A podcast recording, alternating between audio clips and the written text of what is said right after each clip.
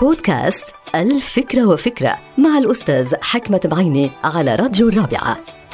إن خطر الإرهاق على الإنسان معروف وموثق بعدة دراسات أكاديمية وطبية وعلمية. كما أن الخطر الناتج عن قلة النوم هو أيضا معروف وموثق. ولكن علاقة التوتر بقلة النوم هي مسألة بتخضع لمزيد من الأبحاث والدراسات. فهل قلة النوم مثلا هي السبب أم هي نتيجة لهذا التوتر؟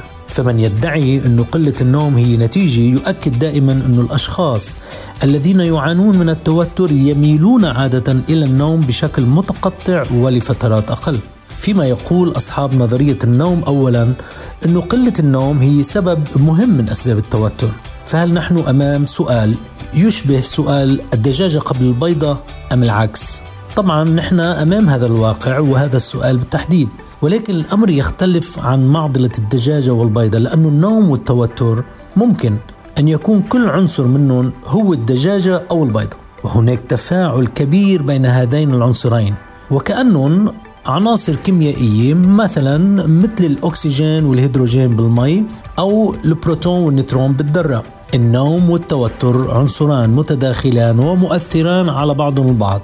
فلا التوتر يستطيع أن يقاوم قلة النوم وينفصل عنها ولا قلة النوم تستطيع أن تبتعد عن التوتر وتتخلص منه. إنهما توأمان سلبيان لا مثيل لهما. انتهت الفكرة. هذه الحلقة مقتبسة من كتاب الفكرة وفكرة.